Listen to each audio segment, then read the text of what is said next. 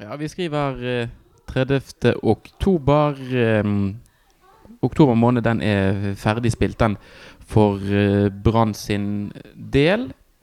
Det har eh, På videregående så er det sånn man får eh, karakterer på besvarelsene sine. Anders Lone Fosse. Du går på, har skalaen som går fra én til seks. Eh, Brann har i oktober måned kun spilt uavgjortkamper. Ikke veldig bra, men heller ikke veldig dårlig. Hvor er vi henne på karakterskalaen? Er det tre pluss fire minus? Er det liksom i den leia der? Uavgjort Altså Det kommer litt an på hvor vanskelig prøven er, tenker jeg. Altså En uh, uavgjort mot Molde f.eks. er jo en vanskeligere prøve enn uh, Bodø-Glimt. Selv om Bodø-Glimt har gjort det ganske bra i år. Men på generell basis så vil jeg kanskje si en tre minus, kanskje. Tre minus, ja. Ja, tre, ja I og med at det bare deles ut ett poeng. da Ja. At, at gevinsten for være det laget som klarer å vinne en fotballkamp, er såpass mye større. Mm. Så tror jeg ikke vi skal være mer sjenerøse enn en tre minus. Ja, ok. Tre minus, altså. Det er dommen over Branns oktober måned. Det er ikke veldig bra. Helt krise er det jo ikke, men Brann har også nå spilt fem uavgjortkamper på rad. Det er nesten uh, sensasjonelt, er det ikke? Ja, det er vel uh, bare å begynne å sikte seg inn på en rekord, kanskje. Ja. Med, når man først har begynt, og det er ikke noe igjen å spille for den sesongen. Eller det kan vi jo kanskje komme litt tilbake til, at man har jo alltid Man har alltid noe å spille for. Men eh, det føles kanskje ikke sånn ut akkurat nå. Nei, for det, det denne her eh, noe halvsvake oktobermåneden har bidratt til for Brann sin del, det er jo det at de taper ikke kamper. Men eh, når lagene rundt plukker trepoengere her og der, så ramler man fort nedover på tabellen. Og nå er altså status syvendeplass for eh, Brann sin del. Kristiansund og eh, Viking har også gått forbi Brann, i tillegg til en del av de lagene som har ligget over nå en god stund. Viking og Kristiansund det er jo helst lag eh, jeg i hvert fall ser at Brann havner over på tabell, og, lag Brann skal være mye bedre enn gitt ressursene som man har tilgjengelig. Ja, det er vel først og fremst eh, stolthet og ære dette går på. At man skal hovne over de lagene der. Og så er det jo i tillegg en liten sånn gulrot i form av pengepremier, som i hvert fall i fjor var For en femteplass så var det 10,7 millioner, mens for en syvendeplass, der Brann ligger nå, så er det 9,8. Eller var 9,8 i hvert fall i Mhm. fjor. Så det er 900 000 i forskjell der. Så spørs det jo Jeg vet jo ikke helt hvordan disse bonusutbetalingene til Brann er, om man bare går i null, eller hvordan det fungerer. Men jeg vil jo tro at det er først og fremst medalje man får bonus for. Så Mm. det er potensielt sett ny 900 000 å spille for her. Det er, en, det er en tiendedels Bamba, hvis eh, noe vil finregne på det. Vi eh, kommer tilbake til han også Det- senere i denne episoden. Ja, det gjør vi. Men det har jo vært et lite håp om kanskje kunne klare en fjerdeplass. Og med en fjerdeplass at man da gjerne kan, kan få muligheten til europacupspill hvis Odd også går hen og vinner cupen. Det kan vi bare skrinlegge og parkere nå etter altfor få kamper der man ikke får full pott. Ja, det var et par ganger eh, Det har vært et par ganger nå de siste um, ukene hvor jeg Mm. forbannet meg litt. Det var vel først uh, når Brann hadde mulighet til å ta igjen litt på Rosenborg mot Sarpsborg. Og så utligna Sarpsborg her på slutten. Uh, og så er det også eh, den kampen som Rosenborg spiller mot Molde. Og da tenker jeg at der i hvert fall når Rosenborg får en spiller utvist eh, før Altså Sølund utvist før pause, så tenker jeg at der er det muligheter, men det var det ikke. Og så gjør ikke Brann jobben heller hjemme mot Bodø-Glimt på Brann stadion, og da Det er det toget kjørt. Europatoget, fjerdeplasstoget, Ja. er kjørt. Ja. Det også. Det toget er også gått. 8875 mennesker opplyste Brann at det i hvert fall var solgte billetter til mandagens hjemmekamp mot Bodø-Glimt. Så mange folk var det ikke på Brann stadion. Nei, jeg var, jeg var der faktisk. Ja. Eh, For eventuelt nye lyttere så er jo vi eh, den populært kalt uh, Oslo-redaksjonen, eller utenriksredaksjonen, fordi at vi har klart å bosette oss her borte. Uh, Foreløpig, i hvert fall. Vi kan si såpass. Um, men jeg var hjemme i eh, Bergen eh, den helgen som var nå, og var en av de som var på stadion, og det var færre enn 8000. Jeg vil tippe rundt 4000. Det kommer jo i årsrapporten. Mm. Så man kan eh, For spesielt interesserte kan man klikke seg inn der. Men det var jo så vidt jeg òg kom med på stadion. For jeg var jo Jeg baserte meg litt sånn på hva våre kompiser gjorde. For jeg hadde jo ikke tenkt å dra aleine. Så jeg spurte i chatten om det var noen som var interessert, og da var det veldig Tok ganske lang tid før noen valgte å svare. Mm. Uh, melde sin interesse der. De hadde sett meldingen, sant? Ja. De, ja da, så du, du visste at du hadde på en måte den eh, ja. psykologien i det òg. ja, og at uh, de ventet vel på hverandre. At hvem, hvem skal ta denne? Nå er Anders hjemme på besøk. Hvem skal følge ham på stadion? Og da var det til slutt uh, Daniel, som er da også en del av denne Heia Brann-podkasten, som sa seg villig. Og når han kom på stadion, så sa han det at jeg hadde aldri dratt på denne kampen hvis det ikke var for deg. ja, Så sånn er det. det får du Eh, ta til din inntekt. Ja, jeg. og flott av han også stiller opp og i det hele tatt midt i sånn flyttekjør og sånt. Men Mm. eh, fikk eh, løsrevet seg fra vasking for å se Brann i noen timer. Vet ikke hva som er verst av de to alternativene, men eh, han fikk i hvert fall løsrevet seg til slutt. Og fikk sett den helt uh, middels fotballkampen hvor Brann ja, fortsetter å vise hvorfor de ligger der på tabellen som de gjør. Ja, Lars Hanne Nilsen proklamerte før kampen at det var det som på godt nynorsk heter all out attack. Altså det skulle, Her skulle det angripes, og det skulle være masse folk, det skulle skapes overtall fremover i banen. Eh, For så vidt en fin tanke, det. Men um, vi har jo Jeg og mange andre har jo kritisert Brann for ikke å ta nok sjanser og nok risiko i eget spill i år. Og Sånn sett så syns jeg det var på høy, høy tid at Brann faktisk gjorde noe med det. Eh, men så er det jo noe Det er jo en måte å gjøre det med en viss kløkt på dette. For det er det en ting Bodø-Glimt er kjent for å veldig, være veldig god på, så er det jo også å kjøre kontringer. Og hvis de får litt plass å boltre seg på. Og det var jo litt sånn Altså, det går an til å angripe med større vett enn det Brann gjorde. Ja, jeg hørte noe greier om at de hadde bare trent på å sentre framover på trening den uken der, og det vistes jo ikke helt uh, Helt i kamp. Det var jo kanskje de pasningene som gikk bakover, som faktisk traff uh, en medspiller, og så gikk det litt sånn halvveis framover. Og når de går litt halvveis framover, så er det sånn som du er inne på, da kommer kontringene imot. Og da er ikke det alltid at Brann uh, klarer å stable eh, seg på beina der bak. da så spesielt det innlegget til han uh, Bonifiss, er det han heter, han er eh, spissen til Bodø-Glimt.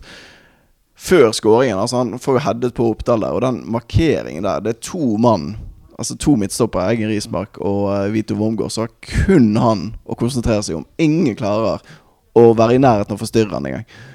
Uh, så da blir det retur, og så skårer de Mm. 0-1. Ja. Eller 1-0. Mm. sånn. Men det eh, 1-1 ble det da Bamba var eh, tilbake igjen. Tenker vi bare gjør oss ferdig med kampen, og så kan vi gå inn på litt enkeltspill og enkeltepisoder eh, etter hvert. Det var jo eh, i hvert fall hvis mitt eh, eh, Min husk er med meg, så var det en av de på en måte mest åpne kampene vi har sett på Brann stadion på lenge. En av de mest eh, innholdsrike med tanke på sjanser. Det skjedde litt foran hvert mål, Brann hadde jo sine muligheter, de òg. Selv om kanskje Bodø-Glimt var de som var aller farligst. folk rundt meg var flinke til å klage på at dette var kjedelig og den slags, da. Jeg er jo ikke helt enig med det. Jeg er jo mer enig med deg og tenker at Sånn som du sier, de bølget litt fram og tilbake, og det var til tider i hvert fall en litt sånn artig kamp å se på. Eh, men det, kanskje folk har bare bestemt seg litt nå for Mm. at nå er det kjedelig, og nå skjer det ingenting, og landet er Mm. udugelig og må Ja. bort. Virker det litt som. Det er jo det eh, Det har jo en tendens, i hvert fall har det vært i de siste ukene og månedene du ser brannkamper, møte det, kan gå veldig lang tid mellom hver eh, mulighet, eller på en måte trøkk som man får satt på motstandere. Men det var noen sekvenser i første omgang. Da var det liksom to-tre minutter der de som bare hamret løs og hadde en del avslutninger og kom til en del halvfarligheter, i hvert fall. Og så var det òg litt eh, i, andre omgang. Jeg merket det ble sånn det, det, Du blir litt mer sånn glad av å se på. Du får litt mer eh, glød innvendig. Når du ser at det på en måte kommer sjanse på sjanse på sjanse.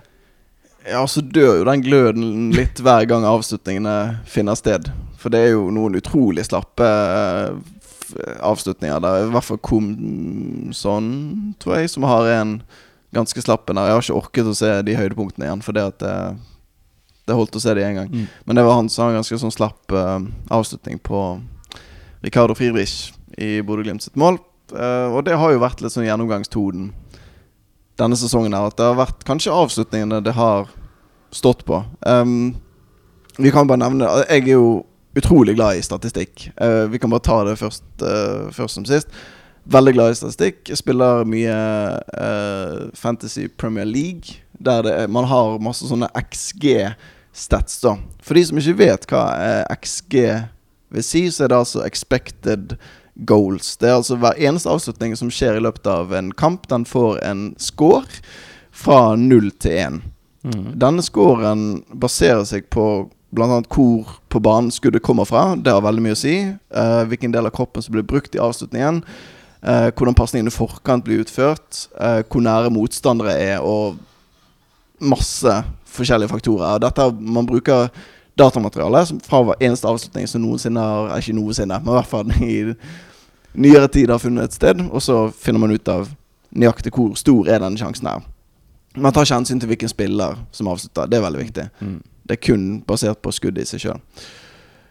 Så er det noen som har også ført statistikk for eh, Eliteserien. Dette her er ikke like tilgjengelig. Eh, man kan ikke klikke seg inn og sånn der, men det er noen i hvert fall som har lagt ut på Twitter. Og der har altså Brann Når man da regner sammen expected goals og finner ut av hvem er det som egentlig burde vunnet kampen hvis avslutningene hadde vært gjort av kan du si like gode spillere, så hadde Brann ligget utrolig mye høyere på tabellen enn det de faktisk gjør. Ja. Før denne her eh, Molde-kampen, er det vel hjemmekampen her, så har da Molde en expected points på 40,9. De har tatt 52 poeng, så de har tydeligvis ganske gode avsluttere i laget sitt. da Med at de får ganske god uttelling. Kanskje en god keeper òg, i han Linde. Mm. Eh, Brann har da 40,1 expected points, som er da 0,8. 0,8 poeng bak Molde. Ja. Nå er det veldig mye tall her, men det er altså de to som skal ligge i toppen, ifølge denne statistikken. her Mm. Brann hadde på det tidspunktet 34, så de ligger da seks poeng bak det de burde hatt. Hvis uttellingen hadde vært sånn som de burde vært. Mhm. Ja. Så jeg vet ikke hva du tenker når du hører uh, tall som dette. her. Jeg syns det er vanskelig å forholde seg til. Jeg uh, tenker at uh, hvis husken min er litt riktig, så var det spesielt i del kamper på vårparten der Brann enten mm, tapte eller fikk spilte uavgjort i kamper som de nok helt sikkert fint kunne vunnet, og som de nok har vunnet på den der expected goals-statistikken.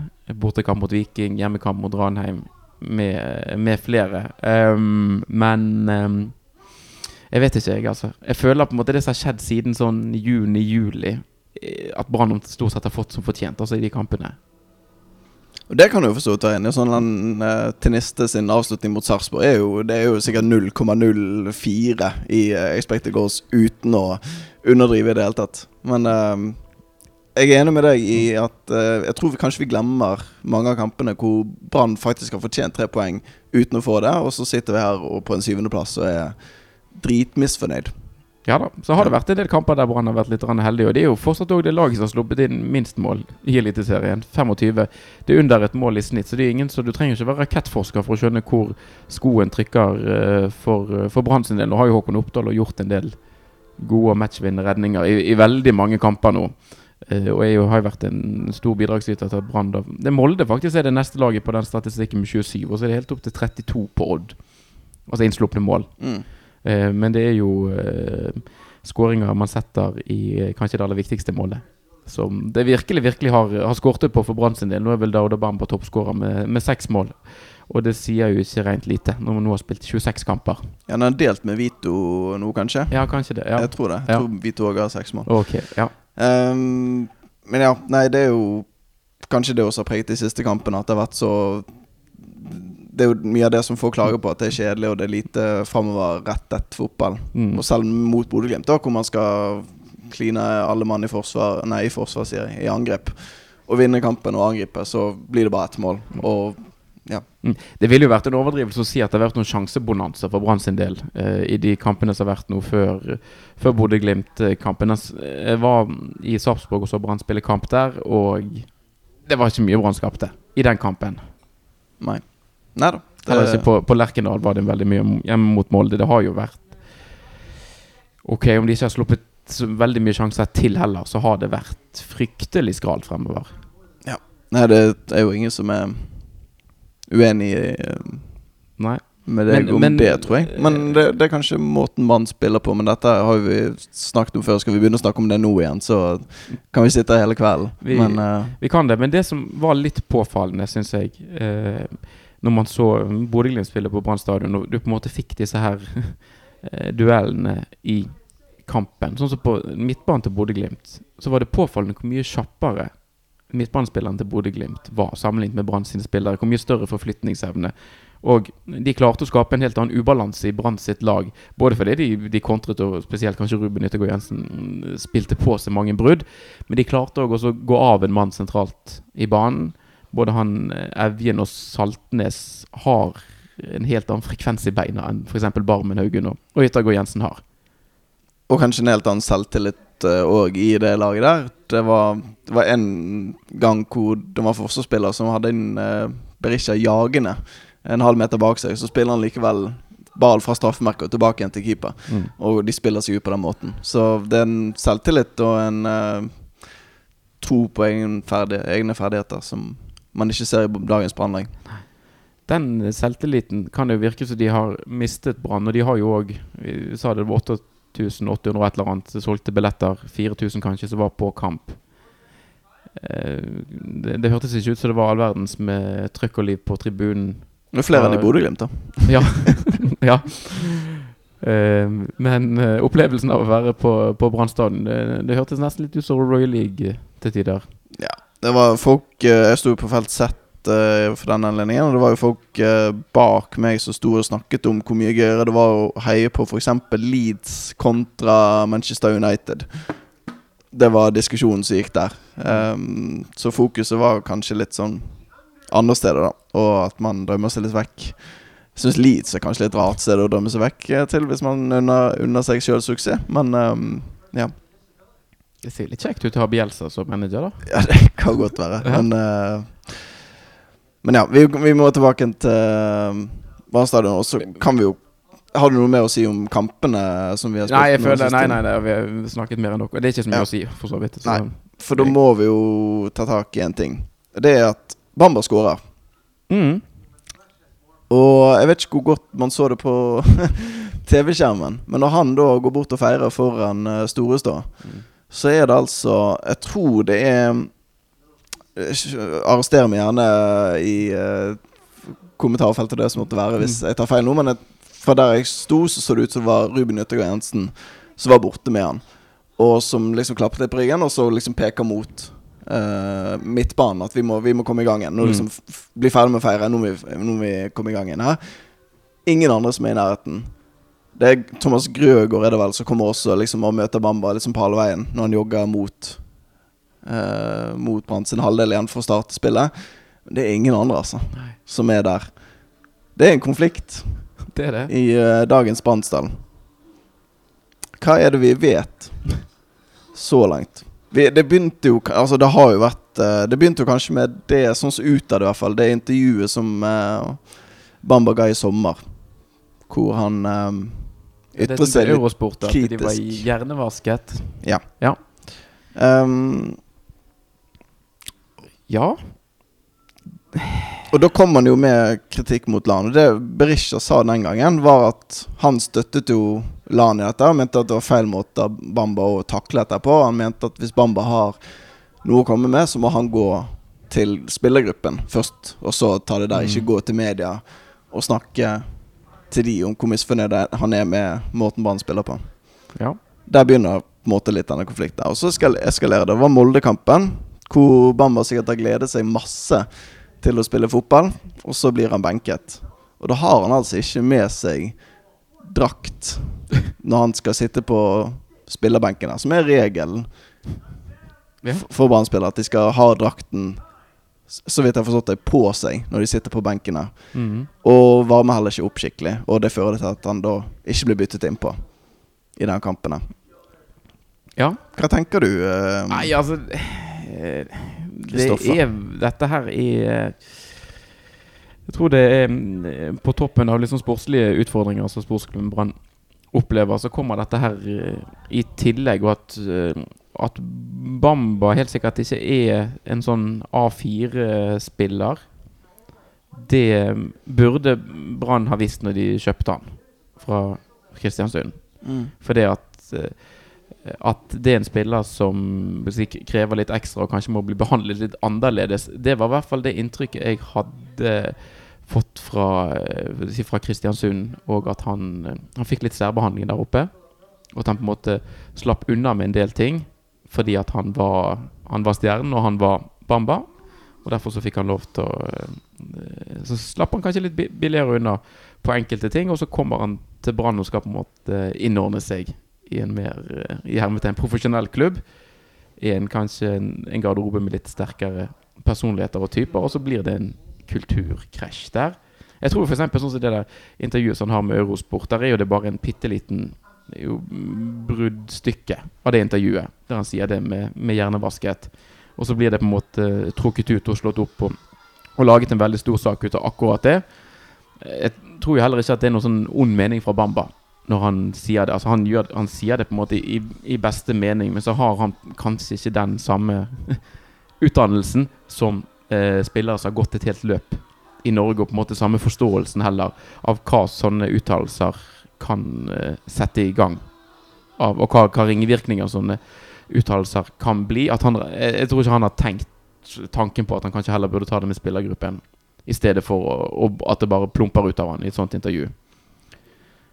Og så, men så tror jeg heller ikke For det har jeg egentlig lagt, lagt merke til òg lenge, også før dette. altså Berisha har jo sitt kroppsspråk som òg er kommentert, og de to ikke helt har funnet tonen på banen. Det er vel egentlig ganske synlig for alle som ser Brann sine kamper. For det er jo på papiret to ganske gode spillere og to offensive spillere som, hvis de hadde fått det til å klikke, så kunne det blitt veldig spennende og bra. Men ingen av de har jo vært i nærheten. Ja, vi har jo uttalt at, eh, og det tror jeg vært mange Brann-supportere sin eh, mening, at når de to starter samtidig, så er det håp. Fordi at det er de to som kan få til noe. Så selv uten at det har vært en kjemi der, så har jo de klart å fungere godt sammen. Og det er kanskje da Brann har vært på sitt aller beste òg, når de to har spilt sammen. S- ja. Men det, det er jo åpenbart at de, de to går veldig dårlig i lag. Og eh, det blir jo ekstra synlig når Berisha gir det intervjuet som han gjør i, etter Sarpsborg-kampen. Nå, det, nå skal det jo på en måte til Berisha til forsvar også sies. Han blir intervjuet rett etter en kamp. Så Mm. Brann har ledet i store deler, får liksom en, en mikrofon slengt opp i trynet fem minutter etter. Det koker sikkert inni han. Mm.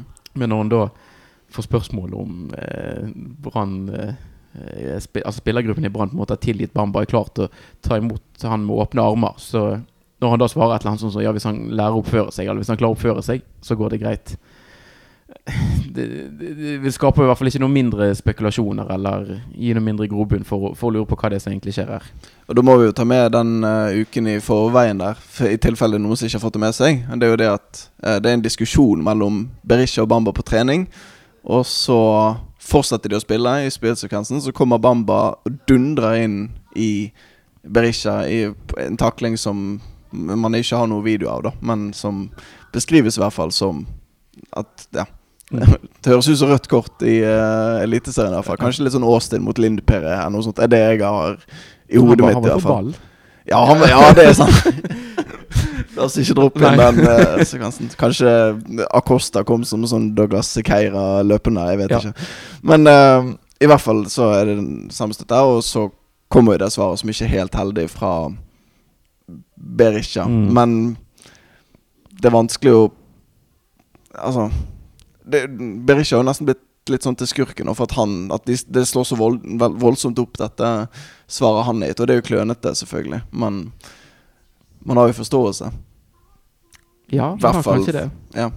Men eh, min på en måte innvending mot Berisha, hvis det er mulig å ta den, da etter, eh, Nå begynner han å nærme seg sin første eh, sesong i Branndrakten. Ble kjøpt inn for store penger og en spiller man hadde visse forventninger til. Jeg syns jo heller ikke han Altså, han oppfører seg og ter seg som en stjerne, men prestasjonene hans på banen tilsier i 2019 at han er en høyst ordinær eliteseriespiller. Det vet om Berisha i 2019. Det kan godt være. Kan Det- Hvor mange mål er det han har skåret? Er det tre mål eller noe? Ja, han fikk jo uh, Han fikk jo pepper for det når han sto der med Gauseth i et intervju om Mjøndalkampen. Ja. Fikk han slengt den i trynet hvor mange mål han hadde skåret. Og så hadde, Ja. tror jeg Gauseth hadde har like mange eller flere, i hvert fall, fra en defensiv midtbaneposisjon. Så det er jo klart. Men um, vi kan kanskje Men, Eh, altså, hele- nå, nå, nå har jo ikke det så mye med Bamba-situasjonen Nei, å gjøre. da. altså. Berisha må jo få lov til å komme med kritikk av Bamba, uavhengig av hvordan han sjøl har ja, gjort det. ja, ja. For Bamba sin oppførsel. Mm. Og det kan du bare si med en gang at uh, dette har jo jeg Altså, jeg har hørt på en podkast som heter Spillerrådet, eh, fra Eurosport denne uh, uken her. Som er Det er for øvrig I denne episoden her så var det Det er Gauseth, jeg nevnte Gauseth, som er da programleder sammen med eh, Vegard Våg- Vågbø, som er en journalist. Og så er det Simen Wangberg og Mikael Karlsen. Så det er altså to trøndere og Christian Gauseth som eh, snakker i denne podkasten. Jeg har tatt en kule, jeg har hørt den uh, for folk, holdt på å si. Ja. Så andre skal slippe det. Og alle støtter jo Altså alle tre spillerne her støtter jo uh, Berisha. Mm.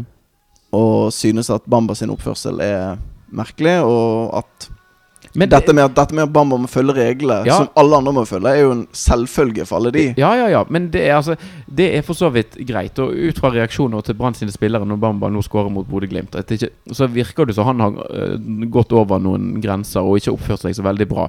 Men jeg syns jo de skal være litt forsiktige, de som skal sitte i andre klubber og andre deler av landet og så være altfor uh, bastante. Altså, de vet jo ingenting om hva som har skjedd der, og hva som er sagt og gjort. De bare baserer seg på hvordan de ser at Brann håndterer og ter seg her, og på en måte antar at Brann sin reaksjon er den riktige ut ifra det som har skjedd. Nå har jeg sett òg, eh, si advokaten eller rådgiveren eller hvem det var til, til Bamba som var ute og som mente det at det var nærmest et karakterdrap av Bamba. Det Lars Anne Nilsen har gått, gått ut og sagt. Og han hadde vitterlig òg et eh, lite poeng med at både da Komson og Bamba Det er liksom rett i fryseboksen. Hvis du eh, er offentlig kritisk mot, mot treneren, hans disposisjoner og måten laget spiller på. Mens treneren, hva skjer med han hvis han går ut og er litt krass mot noen spillere? Jo, men det er sånn greit, det, da? Jeg syns det er greit, fordi at uh, treneren er sjefen. Han må på en måte Altså Det er jo spillerne først som utagerer, og så gjør et eller annet, og så må treneren komme med en er, jo, reaksjon på det, Men det. jo, det er jo ingen spillere her som har vært Som ikke har fremført noen usannheter. Det er jo ikke, det er ikke løgn å så si at spillere Jo, men når, når, når Torgeir Børven f.eks.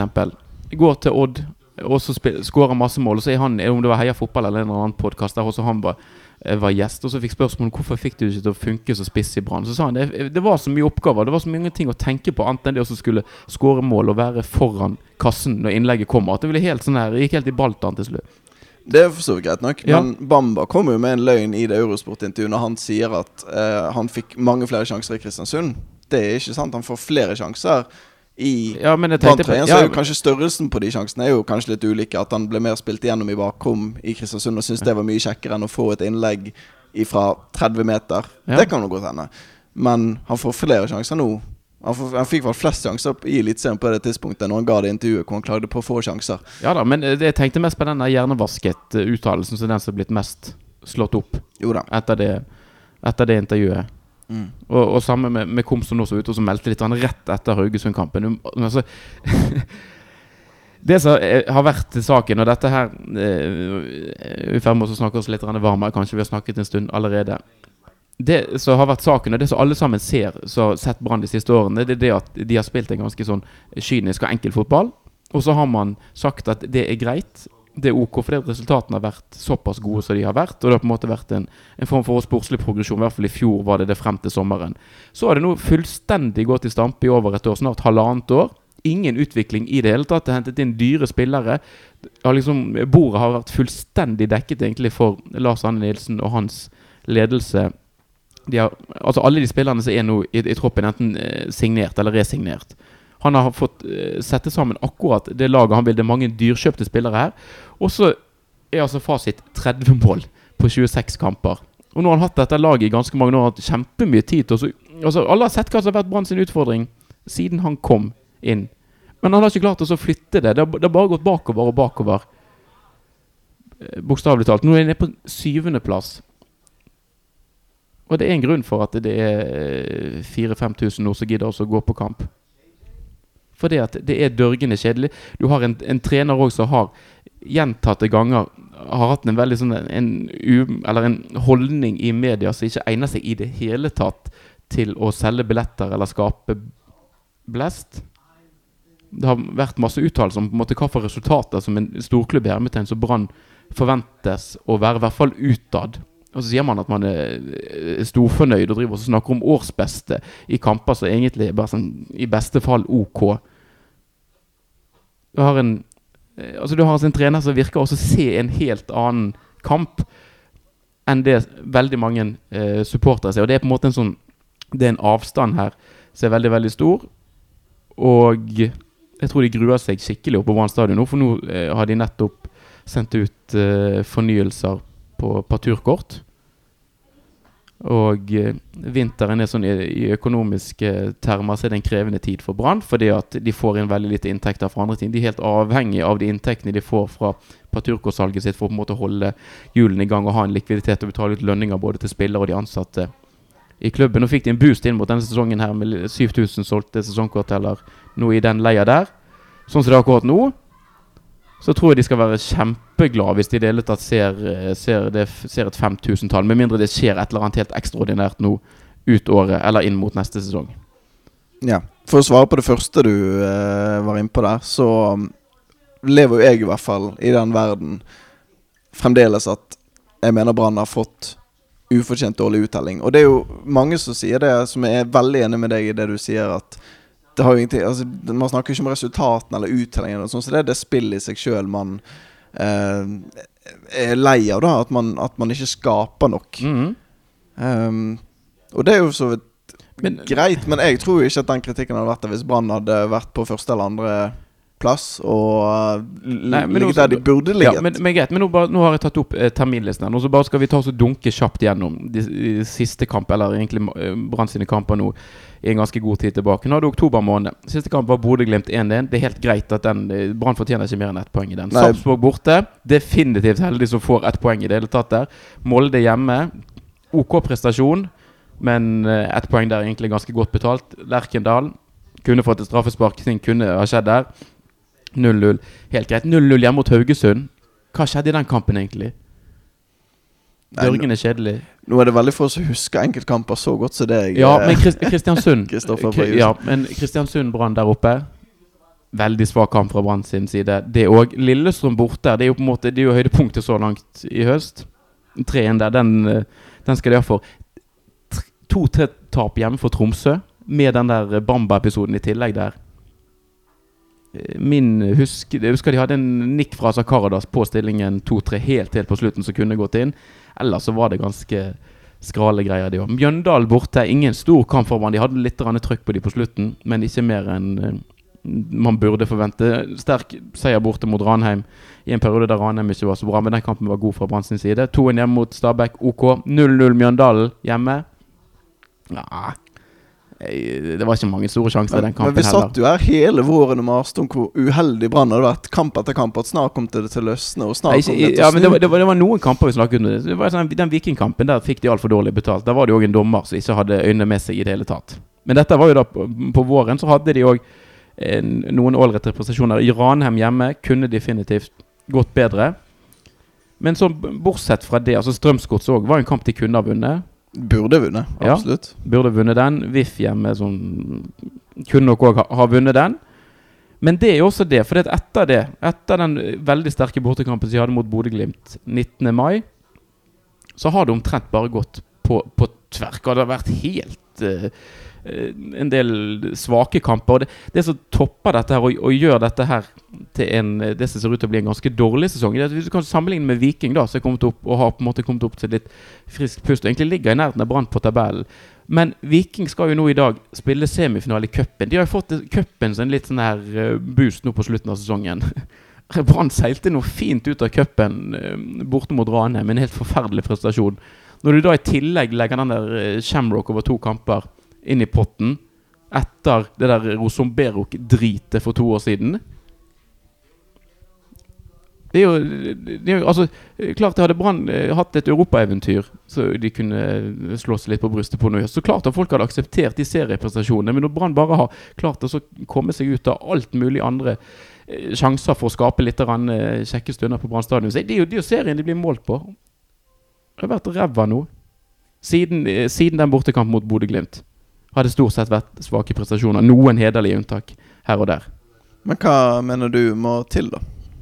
Nei, altså jeg, de jeg hører jo på deg at du er jo ikke fornøyd Nei, jeg, med jeg, er ikke tingenes fornøyd- jeg er ikke fornøyd i det hele tatt. Og det som irriterer meg spesielt med den sesongen som Brann har nå, og en ting som jeg har tenkt en del på, det er det at nå bruker altså Brann Det blir en mellomsesong.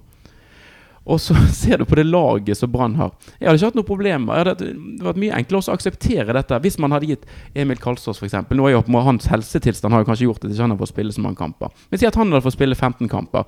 Et par av disse her Martinussen-tvillingene, hadde de spilt litt? Heggebø. Eh, Hvis det var sånn at du hadde kunnet måtte unnskylde det litt med at ok, nå har vi prøvd noen gutter, vi vet ikke om de blir gode nok, men nå har de fått de 10-15-20 kampene som vil eh, være nødvendig for at vi kan, eh, faktisk kan få et godt inntrykk av om disse kan bli gode eliteseriespillere på sikt eller ikke. Du får ikke det hvis du slipper de til i 10-15 minutter her og der. Da klarer du ikke å skaffe deg det bildet. Men i stedet nå så har Brann f.eks. spilt store deler av sesongen med spiller som Ruben Yttergård Jensen som Brann egentlig etter mitt syn bare kan sende opp til Tromsø etter denne sesongen hvis han vil spille der. Fordi at han er ikke veldig god, han begynner å bli ganske gammel. Vito Wormgård er, er på vei ut.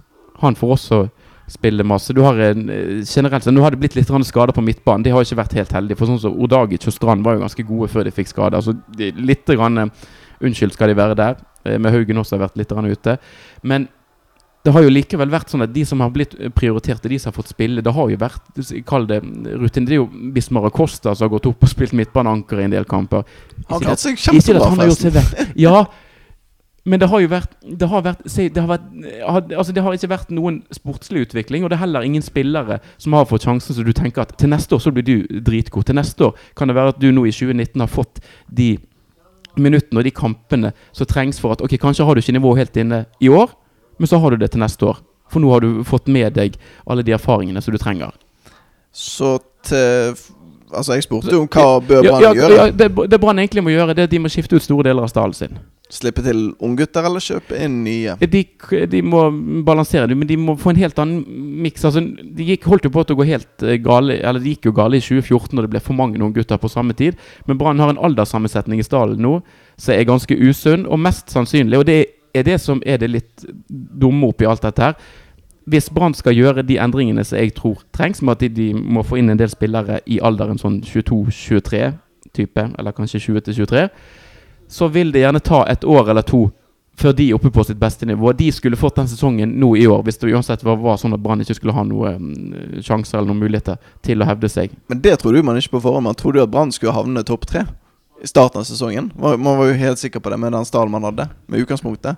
Så Ja. man kan ikke sitte i ettertid og si at vi burde jo bare stoppe til ungguttene. Ja, men da burde, de, da burde man vært sikker på at de spillerne man har i stallen sin, da var gode nok til å få Brann opp på en tredjeplass, og kanskje til en, en cupfinale eller ute i Europa, da. De, de har jo åpenbart vist at de ikke er gode nok til det. Det er der vi er uenige. Jeg mener jo fremdeles at Brann har hatt uflyt i veldig mange kamper. Nei, som, har har ført til, som har ført til, hvis man skal bruke den objektive Ja, men den der, den der expected goals kan du putte langt vekk.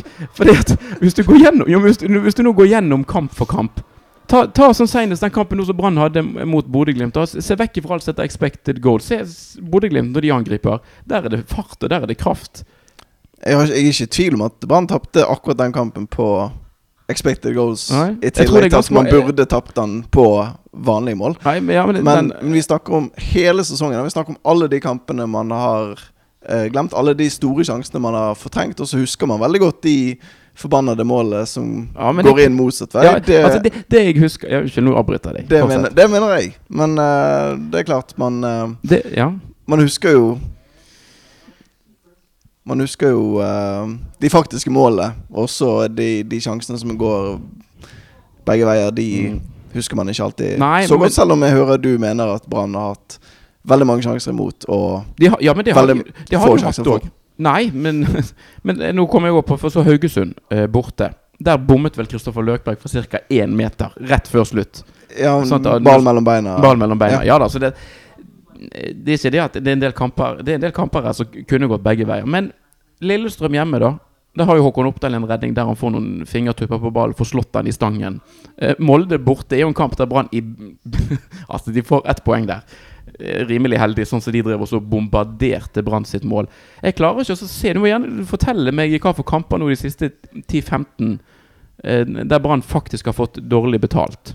Ja, nei, sånn sett så er jo det Altså På den uh, statistikken som jeg viste Jeg til i at det ja, så lå jo Brann faktisk bare, som sagt, som jeg nevnte i sted, seks poeng bak det de burde hatt. Så det er jo kanskje bare den Haugesund-kampen, og kanskje den Jeg eh, tipper Haugesund, Viking og Ranheim er på våren i de kampene. de seks, ja. de Mm. seks poengene som skiller. Det er jo bare det at det er veldig mange lag som har overprestert noe vilt i forhold til hvor mange poeng de burde hatt. Derfor er Brann langt bak gullstriden, og derfor sitter vi her, tror jeg, og svartmaler alt som har vært. Og det er jo, det er jo utrolig eh, arrogant av meg å si det når vi har skåret ett mål på seks-syv fotballkamper, og det er jo klart det er jo ikke bra, det heller. Men uh, man har sluppet inn litt òg, og det er kjedelig å se på. Det er det ingen tvil om, sånn som det er nå. Jeg tror det løsner med små justeringer til neste år, og ikke en eh, total uh, omvending av stallen, som det virker som du er.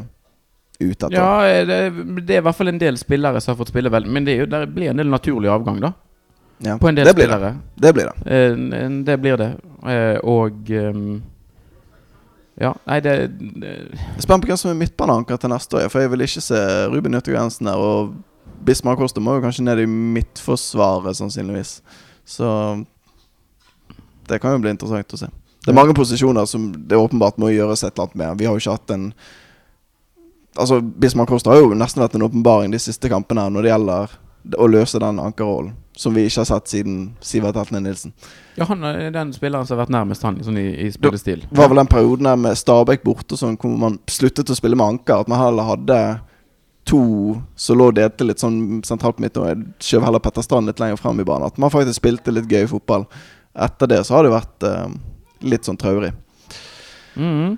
Men Ja. ja, nå har vi sittet her lenge. Nå har vi pratet med litt uh, varm etter hvert. Ja da, det er gøy Ja. når vi er uenige, syns jeg. Ja, det Ja. vi er altfor ofte Ja, enige. ja, vi må ha litt av en Nei, men eh, jeg um, syns at dette her begynner å bli en ganske Det er en kjedelig sesong nå, Mm. og um, men, eh, Og du kan eh, bruke den der eh, expected goals, og Brann kan si at de kanskje hadde fortjent bedre i en del kamper. Men det som uansett er faktum, og det, det de ikke kommer vekk fra, det er det at folk og Bergen omtrent har sluttet å bry seg. Det er ikke sånn at folk står på tribunen og Det er noen som står på tribunen og, piper og hyler litt. Men det er veldig mange som ikke gidder å gå på Brannkamp i det hele tatt.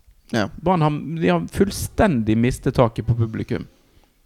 Jeg tror hvis eh, det har vært noen i Brann-systemet oppe på feltsetter nå sist, så tror jeg de hadde vært eh, oppriktig bekymret. For det, at, eh, det er jo ikke det at Altså, det er, jo, det er jo bra så lenge folk engasjerer seg og bryr seg om Brann. Enten er man heier eller er mot, så er det, det er i hvert fall et sunnhetstegn. Men nå sist så satte man jo i gang Det var lysshow, var det annonsert før kampen. Og da var det et par stykker der på felt sett som begynte å blinke med lysene på mobilene sine Ja, okay. under kampen fordi det var så kjedelig å se på.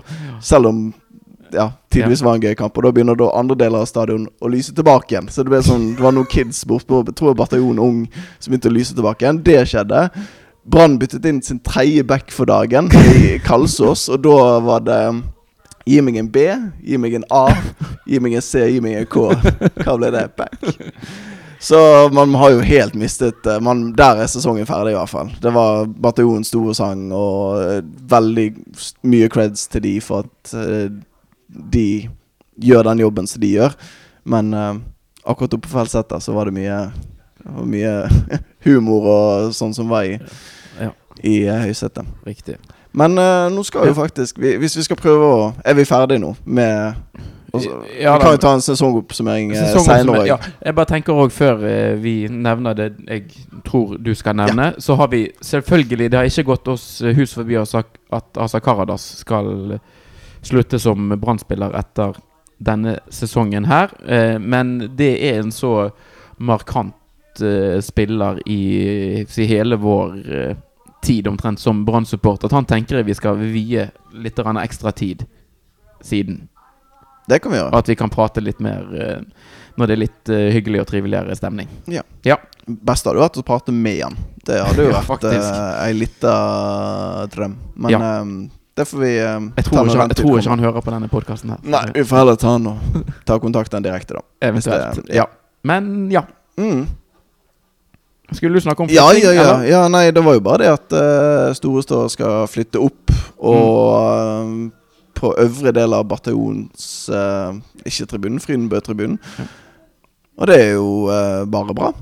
Det er, det er kanskje noen som er negative til dette, her og det er jo de som sitter der fra før av, som må flytte seg et annet sted. Men det er jo nok av I hvert fall til neste år kommer til å være nok av ledige seter til både høyre og venstre.